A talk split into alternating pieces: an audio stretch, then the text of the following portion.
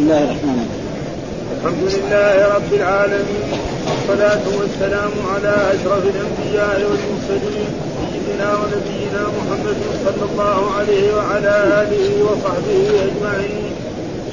قال الإمام البخاري رحمه الله باب لا تسب الدهر قال حدثنا يحيى بن بكير قال حدثنا الليل عن يونس عن ابن شهاب قال أخبرني أبو سلمة قال قال أبو هريرة رضي الله عنه قال رسول الله صلى الله عليه وسلم قال الله يسب بنو آدم الدهر وأنا الدهر بيدي وأنا الدهر بيدي الليل والنهار. قال حدثنا عياش بن الوليد. قال حدثنا عبد الأعلى. قال حدثنا معمر عن الزهري عن أبي سلمة عن أبي هريرة عن النبي صلى الله عليه وسلم قال لا تسموا العنب الكرم ولا تقولوا خيبة الدهر فإن الله هو الدهر. باب قول النبي صلى الله عليه وسلم إنما الكرم قلب المؤمن. وقد قال إنما المهلك الذي يهلك يوم القيامة كقوله إنما السرعة الذي يملك نفسه عند الغضب. كقوله لا ملك إلا الله فوصفه بإنهاء الملك. ثم ذكر الملوك أيضا فقال إن الملوك إذا دخلوا قرية أفسدوها. قال حدثنا علي بن عبد الله قال حدثنا سفيان عن الزهري عن سعيد بن المسيب عن أبي هريرة رضي الله عنه قال قال رسول الله صلى الله عليه وسلم ويقولون الكرم إنما الكرم قلب المؤمن. باب قول الرجل بذاك ابي وامي فيه. الزبر عن النبي صلى الله عليه وسلم. قال حدثنا مسدد قال حدثنا يحيى عن سفيان قال حدثني سعد بن إبراهيم عن عبد الله بن شداد عن علي رضي الله عنه قال ما سمعت رسول الله صلى الله عليه وسلم يفتي أحدا غير سعد. سمعته يقول بفداك ابي وأمي امه يوم أحد. باب قول الرجل جعلني الله فداك وقال أبو بكر النبي صلى الله عليه وسلم فديناك بآبائنا وأمهاتنا. قال حدثنا علي بن عبد الله قال حدثنا بشر بن المفضل قال حدثنا يحيى بن أبي إسحاق عن أنس بن مالك أنه أقبله وابو طلحه مع النبي صلى الله عليه وسلم.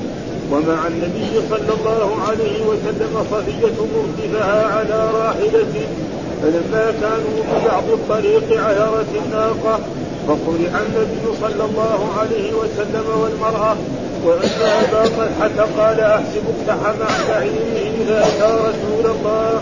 فأتى رسول الله صلى الله عليه وسلم. فقال يا نبي الله جعلني الله فداك هل أصابك من شيء؟ قال لا ولكن عليك بالمرأة. فألقى أبو طلحة ثوبه على وجهه فقصد قصدها فألقى ثوبه عليها فقامت المرأة فشد لهما على راحلتهما فركبا فساروا. حتى إذا كانوا بظهر المدينة أو قال أشرفوا على المدينة قال النبي صلى الله عليه وسلم آيبون تائبون عابدون. عابدون لربنا حامدون. فلم فلم يزل يقولها حتى دخل المدينة. يكفي يعني. أعوذ بالله من الشيطان الرجيم. بسم الله الرحمن الرحيم. الحمد لله رب العالمين. والصلاة والسلام على سيدنا ونبينا محمد وعلى آله وصحبه وسلم أجمعين. باب لا تسبوا الدهر. يعني هذا باب يذكر فيه نهي الرسول صلى الله عليه وسلم سب الدهر. لأن الدهر لا يفعل شيء. إنما الفاعل إيه؟ الرب سبحانه وتعالى فإذا سب الدهر فكأنه سب الرب الدهر لا يسب لا يفقر ولا يغني ولا يميت ولا يصيب الإنسان بأي شيء. الزمن يعني الدهر معنى الزمن. فهذا ولذلك جاءت أحاديث عن رسول حديث قدسي لا تسب الدهر. ويقول هذه الترجمة يعني الإمام البخاري أخذها من إيه؟ من حديث في صحيح مسلم. وهو حديث في مسلم أخرجه لا تسب الدهر. في صحيح مسلم نفس نفس نفس الترجمة. أما هو الأحاديث اللي ساقها ما هي نفس الترجمه قال قال الله تعالى يسب بنو آدم الدهر وأنا الدهر بيد الليل والنهار. ها؟ فلا تسبوا الدهر هذا حديث في صحيح مسلم وصحيح مسلم في الدرجة الثانية. فإذا في نهي من رسول الله صلى الله عليه وسلم عن سب الدهر لأن الدهر ليس بيد شيء الأمر كله بيد مين؟ بيد الرب سبحانه وتعالى هو الذي يعز وهو الذي يذل وهو الذي يبقر وهو الذي يغني وهو الذي يميت. طيب. إذا سب قال يا خيبة الدهر أو يا خيبة الزمان. دحين الناس يقول يا خيبة الزمان لا الزمان هو الزمان. ها؟ فلا فلا يصح فيه نهي. ولذلك يلزم عن المسلم أن يبتعد عن ذلك لا تسب الدهر والحديث الذي سابق قال حدثنا يحيى بن بكير حدثنا الليث عن يونس عن ابن شهاب أخبرني أبو سلمة قال قال أبو هريرة رضي الله تعالى عنه قال رسول الله قال الله تعالى. فهذا حديث قدسي. يعني قال رسول الله قال الله تعالى. إيش الفرق بين الحديث النبوي والحديث القدسي؟ الحديث النبوي يعني قاله رسول الله صلى الله عليه وسلم إما سمعت رسول الله أو إن النبي صلى الله عليه وسلم قال والحديث القدسي قاله الله ولكن يرويه الرسول عن ربه بواسطة غير واسطة القرآن. غير واسطة القرآن. إما بالإلهام أو يأتيه جبريل بأشياء مثل ذلك غير هذا. فقال الله تعالى وفي فرق كذلك ان أن الحديث القدسي كلام الله لكن لا يقرأ في الصلاة. ليس لأحد يقول يقول يقرأ هذا. ها؟ ها؟ من عاداني وليا فقد بارزت يعني هذا برضه حديث قدسي فالحديث القدسي لا يقرأ في الصلاة. كلام الله صح لكن تؤخذ من الأحكام الشرعية. كما أن الأحكام الشرعية تؤخذ من الكتاب ومن السنة ومن الأحاديث النبوية كذلك تؤخذ الأحكام الشرعية. فقال الله تعالى يسب بنو آدم الدهر. يسب بنو آدم الدهر وأنا الدهر. يعني أنا مقلب الدهر. راح بعض العلماء فهم أن أنا الدهر أن الله من أسمائه الدهر. يعني حصل غلط من بعض العلماء فظنوا لما قال أنا الدهر معناه دائما يقول أنا الله لا إله إلا أنا فاعبدني فهذا ما ما أصابه. إنما أنا الذي اخلب الدهر نعم اذل وأعز وافعل هذا. قال. بيد الليل. ومما يدل على ذلك قوله بيد الليل والنهار. مين الذي يتصرف في الليل والنهار؟ الرب سبحانه وتعالى. لا يتصرف لا ملك مقرب ولا نبي مرسل ابدا. فلأجل ذلك نهى الرسول عن سب الدار فيجب على المسلم انه لا يسب الدار ولا يقول يا خيبة الدار ولا يا خيبة الزمان ولا هذا الزمان جعل بكذا وكذا وصبنا بكذا فهذه أشياء كلها لا تنبغي. يقول في هذا الحديث لا هذا لفظ أخرجه مسلم من حديث هشام بن حسان عن أبي هريرة فذكر وبعد فإن الله هو الدار قال أبو علي هكذا للجميع إلا أبي علي. وصالح يونس قال قوله قال الله يسب بنو آدم الدار وأنا الدار بيد الليل. هذه رواية يونس ابن يزيد عن الزهري ورواية معمر بعدها بلفظ ولا تقولوا يا خيبة الدار فإن الله هو الدار وأوله لا تسبوا العنب لا تسموا العنب الكرم ويأتي شرح في الباب الذي بعده وقد اختلف عن معمر في شيخ الزهري فقال عبد الله عبد الأعلى ابن عبد الأعلى معمر ابي سلمه وقال عبد الرزاق عن معمر عن الزهري عن سعيد بن مسيب عن أبي هريرة قال الله يؤذيني ابن آدم يقول يا خيبة الدهر الحديث أخرجه مسلم وكذلك قال سفيان ابن عيينة عن الزهري عن سعيد أخرجه. يؤذيني ابن آدم يسب الدهر وأنا الدار بيدي الأمر. يقلب الليل والنهار وقد مضى وقد مضى في التفسير. من هذا الوجه. وسيأتي في التوحيد وهكذا أخرجه مسلم وغيره من رواية سفيان بن عيينة. قال ابن عبد البر الحديثان آه آه الزهري عن أبي سلمة عن وعن سعيد بن المسيب جميعا صحيحان. قلت وقد قد قال النسائي كلاهما محفوظ لكن حديث أبي سلمة أشهرهما. قلت ولعبد الرزاق عن معمر اسباب آخر أخرجه مسلم من طريق عن ايوب عن محمد بن سيرين لا يسب أحدكم الدار فإن الله هو الدار ولا يقولن أحدكم العين والكرم. الحديث أخرجه أحمد من رواية همام لا يقول ابن آدم يا خيبة الدار أنا الدهر. ارسل الليل والنهار فإذا شئت قبضتهما وأخرجه مالك في الموطأ. كذلك عن لا يقولن أحدكم والباقي هكذا. ولا تقولوا كذلك يا خيبة الدار كذا للأكثر وللنسر يا خيبة الدار وفي غير البخاري وخيبة الدهر. الخيبة بفتح الخاء وإسكان التحتانية بعدها موحدة الحرمان وهي بالنصب على الندبة من ورأساه وبطناه كذا وهو كقولهم قحط الله نوءها يدعون على الأرض بالقحط وهي كلمة وهي كلمة هذا أصلا ثم صارت تقال لكل مضمون ووقع في رواية الاعلاء ابن عبد الرحمن. ومعنى النهي عن سب الدار أن من اعتقد أنه الفاعل للمفروض فسبه أخطأ فإن الله هو الفاعل. فإذا سببتم من أنزل ذلك بكم رجع السب إلى الله. فكأن الإنسان لما يسب الدار كأنه سب الرب سبحانه وتعالى. وهذا وقد تقدم شرح الحديث في تفسير سورة الجاسية. وان هناك حياتنا الدنيا نموت ونحيا وما يهلكنا إلا الدهر. في كتاب التفسير. كم منه. ثم ذكر هنا يعني هذا ومحصل ما قيل في تأويله ثلاثة أوجه. أحدها أن المراد بقوله إن الله هو الذات أي المدبر للأمور. إيش؟ المدبر ثانية على حذف المضاف أي صاحب الدهر يعني مالك الدار والأمور ثالثها التقدير مقلب الدهر فهذا تفسير إيه؟ يعني إما يكون بمعنى يعني هذا المدبر للأمور هو هو معنى الدار وثانيا على حذف المضاف صاحب الدار ثالثها التقدير مقلب الدهر. فاذا فإذا كان كذا فلا يجوز الإنسان يسب ربه ها؟ ها؟ فلذلك نهى. الحديث الثاني مثله حدثنا عياش بن الوليد حدثنا عبد الأعلى حدثنا معمر عن الزهري عن أبي سلمة عن أبي هريرة عن قال لا تسموا العنب الكرم لا تسموا العنب الكرم لأن الكرم إيه؟ بمعنى الكرم وإن كان هي يعني الراء ساكن وهذاك الكرم. برضه هي الراء كمان ساكنة. الكرم الذي هو يعني الجود برضه هي هي. المعنى واحد. فنهى الرسول أن يسمى العنب ليش؟ لأن الله لما حرم الخمر نعم والناس كانوا يشربون الخمر. فكل لما يسمع العنب هذا الخمر كأنه تشتاق نفسه إليه. ولذلك لما حرمت الخمر أمر الرسول صلى الله عليه وسلم بتكفير الأواني. حتى الإنسان يبتعد عن الخمر مرة واحدة. والا كان يعني لو مواعين أخرى كان تغسل. خلاص. ها لا يشرب الخمر في الماعون هذا ويشرب اللبن ويشرب الحليب ويشرب الماء. لكن الرسول صلى الله عليه وسلم لما نزل تحريم الخمر يا الذين آمنوا بالخمر والميسر والأنصاب والازلام رزق من عمل الشيطان فاجتنبوه لعلكم تفلحون إنما يريد الشيطان أن يوقع بينكم العداوة والبغضاء في الخمر والميسر ويصدكم عن ذكر الله وعن الصلاة فهل أنتم منتهون أمر الرسول فأريق جميع الخمر. حتى أن أبا طلحة جاء إلى النبي صلى الله عليه وسلم وقال يا رسول الله إن عندي خمر لأيتام. ها يباع فقال هو فأراه. فبعد ذلك يعني لما كان اواني الخمر في الغالب تكون إيه؟ فخار. فخار. فالفخار يعني لو غسل ما يجوز لأنه مثلا هذه فخار كان يشرب الخمر فيه خمسة أشهر أو ستة أشهر أو سنة.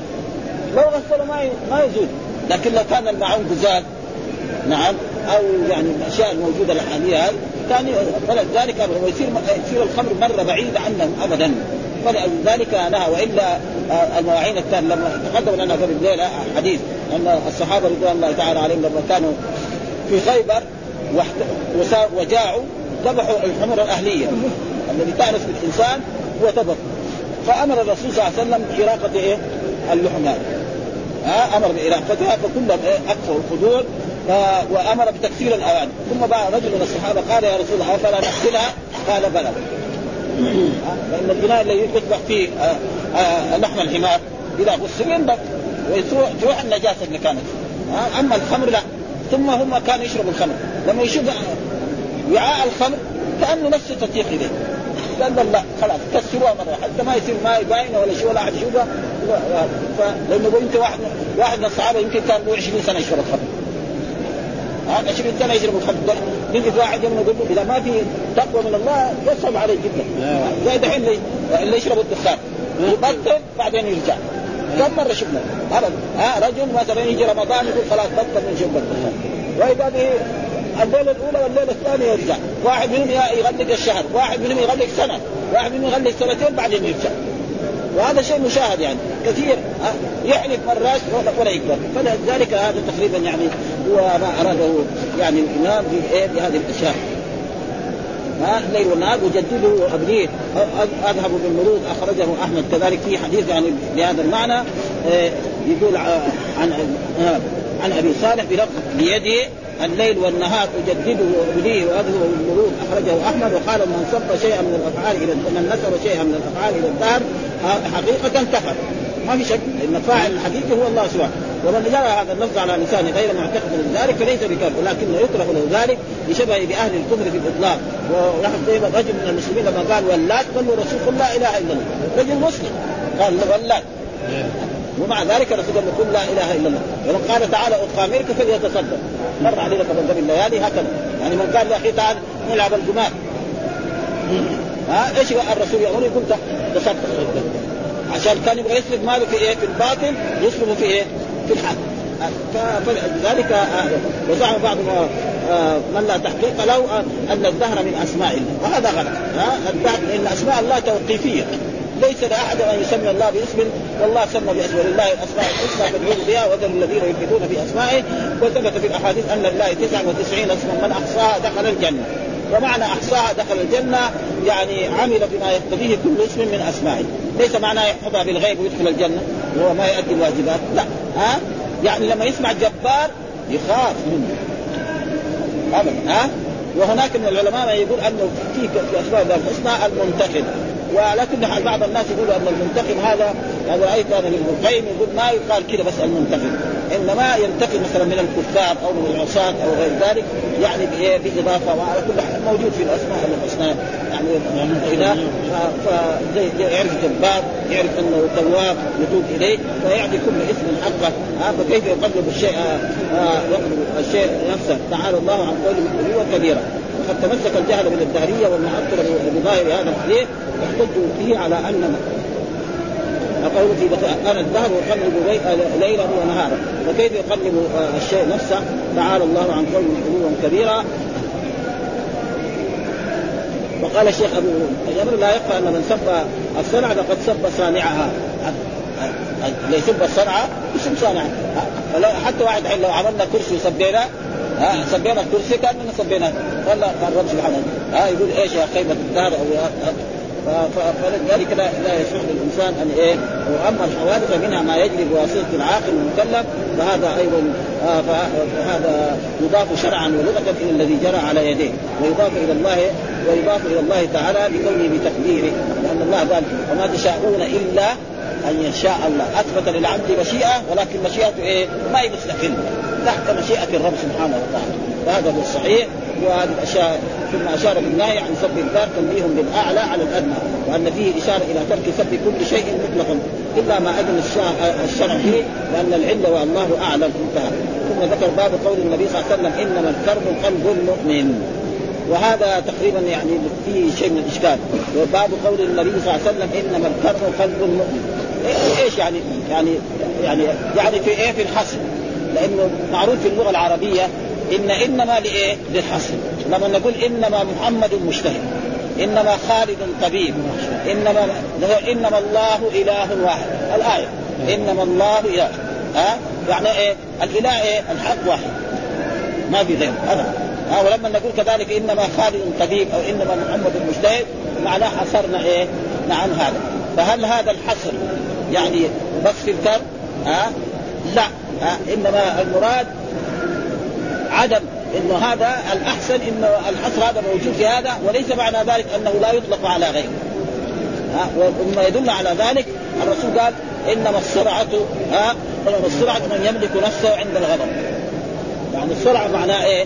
يعني اللي يسرع الناس حقيقة ها مو اللي يسرع الناس يضرب ده ويطيح ده في الأرض ويضرب ده ويضرب ده. لا السرعة الصحيح الذي يملك نفسه إلى غضب ما ينفذ غضبه. يعني هذا إيه؟ هذا المراد. فإذا فهم من ذلك أنه الحصر هذا ما هو مراد. بس. يعني المقصود ولذلك جاء بعدين قال إنما المفلس الذي يفلس يوم القيامة. طيب اللي ما عنده قرش ولا دينار. اسمه مفلس كمان برضه. ها مثل ما الرسول لما سأل الصحابة قالوا يا رسول الله آه من المفلس؟ سأل الرسول الصحابة من المفلس؟ قالوا من لا درهم ولا دينار له. قالوا نعم صحيح لكن المفلس صحيح يوم القيامة الذي يأتي بصلاة وزكاة وصيام وحج وقد ضرب هذا وأكل مال هذا فيؤخذ من حسناته. نعم. يؤخذ من حسناته إلى حسناته. نعم. فاذا غلت يؤخذ من سيئاته ويطرح على سيئاته ويطرح في النار. فهذا المفلس فإذا الحين كانه كأنه بيقول إنما الكرم قلب المؤمن. يعني الكرم الكرم والجود والإحسان هذا قلب المؤمن. قلب المؤمن هو الحصر فيه. وأما الكرم الذي هو يعني في أشياء غير هذه يعني تقريبا مثلا فلان إنما محمد كريم. إنما مثلا حاتم جواد. هذا الحصر يعني تقريبا على ما هو بهذا ها؟ هذا. قال إنما السرعة الذي يملك نفسه عند الغضب. فاذا يعني النفي بهذا عن الحصر. مثلا هناك في الآية إنما الله إله واحد. إيش يعني نفهم من ذلك ما في إله. ابدا إلا واحد. الآلهة الباقي دول كلهم مكذبين كلهم كذب ودجل هذا لذلك لما قال الرسول قولوا لا إله إلا الله. قالوا أجعل الآلهة إلها واحدا إن هذا لشيء فلذلك المنفي في هذا يعني الحصر. أن الحصر ليس مراد وهذا الحصر معناه لغة حتى يدل على أن الإمام البخاري ده هو محمد بن إسماعيل البخاري له من فهم اللغة أحسن من العرب. ابدا ها؟ يعني هو ابدا نسمع كان بعض الطلبه يقول لك إيش براد ما في كتاب أعظم منه كل كتب السنة ما تقريبا وهذه أشياء يعني هو درس الدراسة وعنده كتاب وهذا يعني كتاب ما هو بالسهل يعني.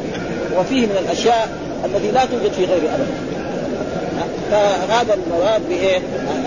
قال إنما المفلس الذي يفلس يوم القيامة وقول إنما السرعه السرعة هناك بضم الصاد ها الذي وأما السرعة التي أنه يسرع الإنسان يصيب الانسان ذو إرماء الذي يملك نفسه عند الغضب كقوله لا ملك إلا الله كذلك لا ملك إلا الله هذه من أدوات الحصر لأن أدوات الحصر عندنا إيه؟ اما إنما وإنما إيه؟ إلا مثلا وما محمد إلا رسول. إيش معنى؟ يعني محمد محصور في إيه؟ في الرسالة. ها؟ ها الشيء اللي محصور فيه. يعني أما الألوهية وهذا ليس له. فلذلك يعني لا ملك إلا الله. يعني لا ملك حقيقي تام الملك إلا الله. طيب الملوك الثانية يجوز لنا نسمي محمد ملك وخالد ملك ومحمود ملك؟ نعم جائز. ليه؟ لأنه ملكه هذا زائد. أي واحد ملك من ملوك الدنيا يقعد سنة سنتين عشرة مية بعدين ماشي راح أما ولذلك جاء في الأحاديث الصحيحة عن رسول الله صلى الله عليه وسلم أن الله يوم القيامة لما يأمر إسرافيل أن ينفخ في السور ويموت الناس جميعا يقول الله لمن الملك اليوم؟ ها؟ ما في واحد يجاوب يقول الله نفسه يجيب نفسه بنفسه لله الواحد القهار عشان يبان اسمه الدائم ده الدائم ده متى يبان ذاك اليوم يبان ما في أحد. ما في لا جبريل ولا ميكائيل ولا إسراء ولا أحد ابدا. فيجيب نفسه بنفسه. فإذا سمينا إنسان ملك ولكن لو ما سميناه كان أحسن. والدليل على ذلك القرآن. ها القرآن سمى إيه؟ إن الملوك إذا دخلوا قرية افسدوها فلم يعبر ملوك كانوا ها لأن هي قيس قالت هذا؟ إن الملوك إذا دخلوا قرية يعني دحين لو تسيطر علينا سليمان واخا الناس الأعزاء الوزراء ولا هذول يشيلون يرمون هناك ويصيروا ناس عاديين. وهذه دائما كذا يعني في أغلب الأحيان. يعني أغلب الملوك إذا دخلوا إلا كانوا اعزاء يصيروا هذا قال إن الملوك إذا دخلوا يصيروا وجعلوا عزه اهلها يصيرون وكذلك يفعلون. ثم قالت إني مرسله إليهم قال ثم آه قال الملك ائتوني به أستخلصه لنفسي. قال الملك ائتوني به أستخلصه لنفسي. ويجي ناس مثلا دحين جديد يقولوا لا هذه الأشياء كلها ما هي طيبة واستدلوا بقول إن الملوك إذا يقول لا مثلا الجمهوريات أحسن. واذا الجمهوريات أخص من الملوك. نحن شفنا يعني الجمهوريات اللي حدثت في السنوات الأخيرة هذه. هذه كانت ابدا. يعني رئيس جمهورية يكون في القصر الجمهوري في أول الليل. ها قرأنا كتب في هذا الموضوع أنا كنا كلام يعني في آخر الليل يؤخذ من القصر الجمهوري إلى إيه؟ إلى السجن. الضحى يحاكم ويقتل. ها؟ أنا خرجت جملة كتب يعني رأيت انقلابين في سوريا. كم كتب من الكتب القديمة كانت موجودة؟ يمكن دحين نرجع عنها فيها؟ ابدا. فلاجل ذلك يعني ما في فإذا ما سمي مثلا وإذا سمينا شخص ملك نعم فهذا الاسم يزول وأنه لا مانع من ذلك، لكن لو ما سمي مثلا الصحابة رضوان الله تعالى عليهم ما سموا نفسهم ملوك. مثلا أبو بكر كان اسمه يا خليفة رسول الله. ها؟ عمر كان اسمه أمير المؤمنين. هذه أحسن من لأن الملك والله يقول قل اللهم مالك الملك تؤتي الملك من تشاء وتنزع الملك ممن تشاء وتعز من تشاء وتذل من تشاء. وفي آيات كثيرة من هذا فدائما الاسم إذا كان للرب سبحانه وتعالى وسمينا به المخلوق له معنى محدود وهذا مثل قول الله تعالى مثلا والله الذي لا إله إلا هو الملك القدوس السلام المؤمن المهيمن العزيز. قال قالت امرأة العزيز وقالوا يا أيها العزيز وقال إن ربكم لرؤوف رحيم وقال عن الرسول لقد جاءكم رسول من أنفسكم عزيز عليه ما عنتم حريص عليكم بالمؤمنين رؤوف رحيم. وقال ليس كمثله شيء وهو السميع البصير. وقال كذلك عن الإنسان هل أتى الإنسان حين من الدهر لم يكن شيئا مذكورا؟ إنا خلقنا الإنسان من نطفه امشاج فجعلناه سميعا بصيرا. مين السميع البصير في هذه الآية؟ الإنسان. سمعه سمع محدود ولأجل ذلك هذا ما يريد البخاري بهذه الأشياء. إنما المفلس الذي يفلس يوم القيامة الذي يكون عنده أعمال صالحة وقد ضرب هذا وأكل ماله فيأخذ من حسناته ثم إذا فليت حسناته يأخذ يؤخذ من سيئاته. وقال إنما الصرعه الذي يملك نفسه عند الغضب. أما اللي يصرع الناس هذا لا يسمى ما هو ممدوح كقوله لا ملك لا ملك إلا الله. ها لا ملك إلا الله. أو لا لا ملك إلا الله. ووصفه بانتهاء الملك. ها؟ هذا. ووصفه بانتهاء ثم ذكر الملوك أيضا فقال إن إن الملوك إذا دخلوا قرية أفسدوها وجعلوا أعزة اهلها اذلين وقال الحديث الذي ساقه حدثنا علي بن عبد الله قال حدثنا سفيان عن الزهري عن سعيد بن مسيب عن أبي هريرة قال قال ويقولون الكرم. إنما الكرم قلب المؤمن الكرم إيه؟ الحصر يعني. المقصود إيه؟ إنما الكرم يعني العنب لو سميته كرم يعني الرسول نهاك عنه. لكن الكرم الحقيقي فين؟ قلب المؤمن. الذي يطيع الله ويمتثل أمره ويستمع فإذا نفى إيه؟ الحصر. وهذا البحث يعني تقريبا يعني فوق حتى يعني كثير فنقرأ بعض شيء منه عشان لعلنا نستفيد مما قاله الحافظ. قال قول إنما الكرم قلب المؤمن وقد قال إنما المفلس الذي يفلس يوم القيامة وقول إنما السرعه الذي يملك نفسه عند الغضب وقوله لا ملك الا الله فوصفه بانتهاء الملك ها؟ ثم ذكر الملوك أيضا فقال إن الملوك إذا دخلوا قرية اسلموا غرض البخاري أن الحصر ليس على ظاهره. هذا هو. ها؟ إيه؟ يعني ما في إلا هؤلاء. ها؟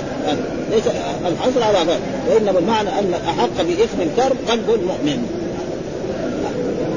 يسميه كريم قلب المؤمن هذا الذي ولم يرد ان أن غيره لا يسمى كرما كما أن المراد بقول انما المفلس من ذكر ولم يرد أن من يفلس في الدنيا لا يسمى مفلس الذي ما عنده درهم ولا دينار ثم مفلس لما سال الرسول لما سأل الصحابة من المفلس؟ قال من لا درهم ولا دينار له. قالوا نعم صحيح ما عنده درهم ولا مفلس. لكن المفلس الحقيقة لا مو هذا. هذا اللي ما عنده درهم ولا دينار في الدنيا سهل لكن بعدين يجي له درهم ودينار. لكن المفلس صحيح كله بس. يجي هنا في الدنيا يشتغل. ها يصلي يصوم وإذا به يتعدى على الناس يأخذ مال هذا ويضرب هذا ويأخذ فيأخذ من حسناته وبعد ذلك يصير ما عنده ولا شيء. هذا الفلك لأن هذا الفلك ما يمكن ولا في واحد يعطي له كمان. يمكن هنا إذا أخذت يروح يتدين. ها يروح واحد قريب ويعطيه شيء. فلذلك هذا ما يريده بهذا ويجوز أن يسمى غيره ملكا. فلذلك إذا سمي غيره ملكا هل يجوز؟ ما في شيء. لكن بعض الناس يقول لك لا ما يجوز. مثلا الناس يقولوا كان يقولوا جلالة الملك. جلالة الملك على قدر لأنه ما ما, ما تدوم هذه تروح بعدين. يوم من الأيام ما في كثير من الناس يقولون والسبب إنه ما ما في فهم للنصوص والقرآن. فإذا كان القرآن يسمي يسمي الله باسم ويسمي المخلوق باسم. كثير هذا موجود. ما دمت حيا. ويقول الحي. ولذلك مرات هو الرب يقول الحي الذي لا يموت. الحي الذي لا يموت مين؟ الله. نحن أحياء. يوم الأيام يجي تقول ما في يقول. كلهم دول موجودين الله لا يجي غيرك فلذلك ما في يعني هذه مسألة ما يعني تعرضنا نحن ما رأينا حتى من تعرض لهذه الأشياء ابحاث شيخ الإسلام ابن تيمية وابن القيم وبحث هذه الأشياء في كتاب تقريبا أظن يعني هذا التدميرية ولا الثاني؟ التدميرية. بحثوا مرة يعني بحث جميل. بالنسبة لطلبة العلم وقال الملوك في صاحب يوسف وقال الملك في صاحب يوسف وغيره وأشار بإبطال إلى أنه يؤخذ من ذلك ترك المبالغة والاعراب بالرفض إذا كان المنسوب لا يستحق ذلك وحديث انما القدس ياتي الكلام عليه في الرقاق ها وحديث انما الصرع تقدم قريب وحديث لا ملك إلا الله يأتي الكلام عليه في باب أبغض الأسماء ها لأنه جاء في سياتي باب الأسماء أبغض الأسماء قاضي القضاة ملك الملوك. فنهى الله الرسول أن واحد يسمي ملك الملوك، ملك الملوك مين هو؟ ها؟ يسميه ملك معلش أما ملك الملوك هذا لا. قاضي القضاة دحين كثير كتب علمية الناس ما فيها كتب علمية موجودة يعني علماء. يقول قاضي القضاة. نعم نعم مش كده هذا؟ وشاهن شاه ها؟ وشاهن شاه هذا عجمي كمان. شاي معناه ملك الملوك ما ينبغي فهذه اشياء يعني هو ويقولون الكرم انما الكرم قلب المؤمن هكذا وقع في هذه الروايه ها ولا تسموا العنب كرما وهي في روايه ابن سيرين عن ابي هريره عن لا يقول احدكم العنب كرم انما القرن القرن الرجل بالسكون وله من حديث وائل لا تقول القرن ولكن قولوا العنب والحفله وقالوا في الباب يقولون عاطفه على شيء وقد أخرجه. لا تقولوا كرم. فإن الكرم قلب المؤمن. ويقولون الكرم هو مبتدا وخبر محبوب أي يقولون الكرم شجر العنب. الكرم شجر. قد أخرج الطبراني من رواية سبر أن اسم الرجل المؤمن في الكتب آه، الكرم من أجل ما أكرمه الله آه، على الخليقة. وإنكم تدعون تدعون الحائط من العنب الكرم. الحديث قال الخطابي من القصة أن المراد بالله تأكيد تحريم الخمر يمحو بنحو اسمها. ولأن في تبقية هذا الاسم لها تقريرا لما كانوا يتوهمون من تكرم شاربها ونهي عن اسميتها وقال إنما القرب قلب المؤمن لما فيه من نور الإيمان وهدى الإسلام. وحكى ابن بطال بن انبار ان مسمى العلم قرب لأن الخمر المتخذ منه تحث على السخاء وتأمر بمكارم الاخلاق حتى قال شاعرهم والخمر مشتقة المعنى من الكرم. وقال يعني هذا لأنه ما عنده عقل قد يعطي ماله. وتقدم لنا قصة حمزة لما شرب الخمر راح إيه؟ نعم. فقر يعني يعني سلام الناقتين التي لعلي بن أبي طالب. ولما دخل عليه الرسول وشاف كده محمر قال للرسول ما أنتم إلا عبيد آبائي. هذه خطيرة. الرسول عبيد آبائي إيش السبب؟ الخمر يعني هذا عقد القتل يعني. أبدا. ها؟ يقول للرسول عبيد. ليه؟ لأنه سكران. وهل السكران تقع عليه الأشياء التي يحدث منه؟ آه مثلا إذا طلق أو فعل هذا كذلك هذه مسألة فرعية وقرأنا يعني في كتاب الطلاق أنه من الجماعة الذي لا يوقعون يعني السكران لا يقع طلاق. ولكن العلماء يخالفونه في ذلك. ومعاه ما شاء الله شيخ ابن القيم وابن تيمية في هذا الباب. يقول نعم السكران يحد لكن ما يؤاخذ لأنه ما عنده عقل. نعم. وجاء في الأحاديث رفع القلم عن ثلاث ما وكان مر علينا تقريبا ونحن اطلعنا على إيه؟ البخاري تقريبا يعني زي ما يقول ابن القيم وافق البخاري. إحنا البخاري قبل ابن القيم وقبل ابن تيمية. ها؟ يقول لا يقع عليه العلماء الثانيين ابدا يقول لا يقع عليه وعلى كل حال مسألة علمية. المسألة العلمية تبحث يعني ما ما في شيء يعني بحث علميا تبحث وتشوف النصوص مع مين تمشي معاه. وإلا بعض الصحابة كانوا أبدا يعني يوقعون عليه هذا ثم ذكر آه، آه، آه، المؤمن يعود من سعد. باب قول الرجل فداك أبي وأمي فيه الزبير عن النبي صلى الله عليه وسلم. يعني كذلك جائز أن نقول للرسول فداك أبي وأمي. ما في شيء ها؟ هذا فداك يعني افديك يا رسول الله بأبي ليس هو قسم. لأن بعض الناس كان قد يظن قسم وهذا غلط. يعني مواعظ يقول يا فداك أبي وأمي يا رسول الله. معنى أفديك بأبي وأمي. يعني اقدم أبي وأمي مثل ما كان أصحاب رسول الله صلى الله عليه وسلم في الغزوات هكذا. ها؟ كانوا يفعلوا كذا الرجل يقف يأتيه الصعب واحد اثنين يموت الثاني يقف أمامه. ها؟ وتجد الرجل المسلم أو المرأة المسلمة وإذا خرج الرسول للغزو ما تسأل عن ولدها ولا عن زوجها تسأل عن رسول الله صلى الله عليه وسلم. ما بال رسول فإن كان رسول الله طيب لم يصب شيء. ارجوك لا تشوش عليه ها؟ أي. فإن كان الرسول طيب فلا بأس به. لو يموت أبوه يموت أمه يموت أقاربه كلهم فهذا ليس في شيء. فهذا معناه باب قول الرجل إيه؟ فداك ابي وأمي. هذا جائز وليس فيه قسم. وليش؟ فين؟ قال فيه الزبير عن النبي صلى الله عليه وسلم أن الزبير في حديث موجود ولكن سابوا الآن تعليقا أن أن الرسول قال لسعد وهو سعد بن أبي وقاص يقول ارمي فداك أبي وأمي. يعني الرسول يقولها لغيره وإذا كان الرسول يقولها لغيره فهو لمن تقال له هو باولى واحرى جائز. ها؟ الرسول يقول لسعد فداك أبي وأمي. الرسول يقول له فسعد لو قال للرسول فداك أبي أو أنا قلت أو أي مسلم من المسلمين فإن ذلك جائز وليس فيه أي شيء لأن هذا تقريبا يعني من تعظيم الرسول صلى الله عليه وسلم والشيء التعظيم الذي هو جائز. هذا. باب قول الرجل تقدم ضبط فداك ومعناه في باب ما يجوز من من الرجز والشعر قريبا. وفيه الزبير عن النبي يشير إلى ما وصله في مناقب الزبير بن العوام من طريق عبد الله بن الزبير قال جعلت أنا وعمر بن أبي سلمة يوم الأحزاب. في النساء يعني لأنه كانوا صغار.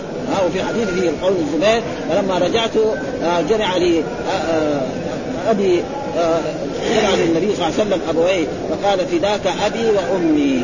ها فداك أبي وأمي. فهو لما كان صغار ما يخرج لأن الرسول دائما ما يخرج يخرج للغزو إلا شخص بلغ الخامسه عشر. أي وصل ما بلغ الخامسه عشر؟ يقول له أنت اقعد مع النساء فلما خرج إلى بدر ما يخرج إلا الرجال. كذلك في أحد وكذلك في الغزوات لأن الجهاد يجب على مين؟ على المكلفين البالغين. اما غير المكلف فلا يجب. وكذلك النساء لا يجب عليهن فلذلك هنا قال يفدي أبي وقاص بيان الجمع بين حديث الزبير المذكور في الباب في إثبات الفدية التفدية بين حديث علي هذا بنفي ذلك عن غير سعد وكأن البخاري رمز لذلك إلى هذا الجمع وغفل من خص حديث الزبير بتخريج مسلم مع إخراج البخاري ورمز إليه في هذا الباب بقوله أظنه يوم أحد. وتقدم الجزم بذلك في رواية إبراهيم بن سعد إبراهيم في غزوة أحد من كتاب المغازي ولفظ فإني سمعت يقول إرمي سعد فذاك ابي وأمي. وكذلك وقد تقدم هناك سبب هذا القول لسالم بن أبي وقاص لأنه كان راميا. ها معروف يعني في الرمي يعني إذا رمى يصيب يعني معروف بعض العرب يعني يصيب جدا في في الرمي. نفس الحديث هو باب قول الرجل جعل الله فداك وقال أبو بكر النبي صلى الله عليه وسلم فديناك بآبائنا وأمهاتنا. برضو يعني ما في شيء. ها يقول قول الرجل جعلني الله فداك ها قال مثلا افديك بأبي وأمي أو قال وقال أبو فديناك بآبائنا وأمهاتنا. يعني آبائنا كلهم حتى يدخل في الاجداد والاعمام والاصهار كلها فديناك. ونحن نفدي الرسول صلى الله عليه وسلم بآبائنا وأمهاتنا وهذا ليس في أي شيء. وأن مع أنه لا يجوز الحلف بالرسول صلى الله عليه وسلم ولكن كونه يقول فداك أبي وأمي هذا ما فيه. أما يحلف بالرسول صلى الله عليه وسلم أو يدعوه أو يستغيث به فهذا لا يصح. إنما الاستغاثة تكون بالله سبحانه وتعالى. قال حدثنا علي بن عبد الله قال حدثنا بشر بن المفضل قال حدثنا يحيى ابن أبي إسحاق عن أنس بن مالك أنه اخبر هو وأبو طلحه مع النبي صلى الله عليه وسلم مع النبي صلى الله عليه وسلم صفية مربنا على راحلته. فلما كانوا بعد الطريق عثرت الناقه فصرع النبي صلى الله عليه وسلم والمرأة. وأن أبا طلحه قال أحسن اقتحم آه عن بعيري فأتى رسول الله صلى الله عليه وسلم فقال يا نبي الله جعلني الله فداك هذا محل الشاهد. محل الشاهد جعل الله بذاك هل أصابك من شيء؟ قال لا ولكن عليك بالمرأة. فألقى أبو طلحة ثوبه على وجهه فقصد قصدها. فألقى ثوبه عليها فقامت المرأة فشد لهما على راحلتها فركبها فركبا. فساروا حتى إذا كانوا بظهر المدينة قال اشرفوا على المدينة. قال النبي صلى الله عليه وسلم آهبون تائبون عابدون. لربنا حامدون. فلم يزل القرى حتى دخلوا المدينة. فبرضو هذا محل الشاهد أن أن أبا طلحة قال للرسول يا نبي الله جعل الله فداك وأقره الرسول. فهذا دليل على أنه هذا جائز وأن ليس فيه شيء. وكذلك لو احد قال لإنسان الآن يعني أب أو قريب قال له فداك أبي الظاهر ما في شيء ها مثلا ما ما تطلق إلا على الرسول. فإذا قال إنسان فداك أبي وامي يعني هذا اللفظ كذا ما في شيء. ظاهر ها. وهذا باب قول الظاهر إنه قال باب قول الرجل جعل الله في ذلك. هل يباح أو يكره؟ ها؟ يعني ما بين ها؟ ولكن لما الحديث وقد استوعب الأخبار الدالة على الجواز أبو بكر بن أبي عاصم في أول كتاب آداب الأحكام وجزم بجواز ذلك فقال للمرء أن يقول ذلك لسلطانه ولكبيره ولذوي العلم ولمن أحب من إخوانه غير محظور عليه ذلك بل يثاب عليه اذا قصد توقيره واستعطافه ها؟ ولو كان ذلك محظورا لا النبي صلى الله عليه وسلم قائل ذلك ها؟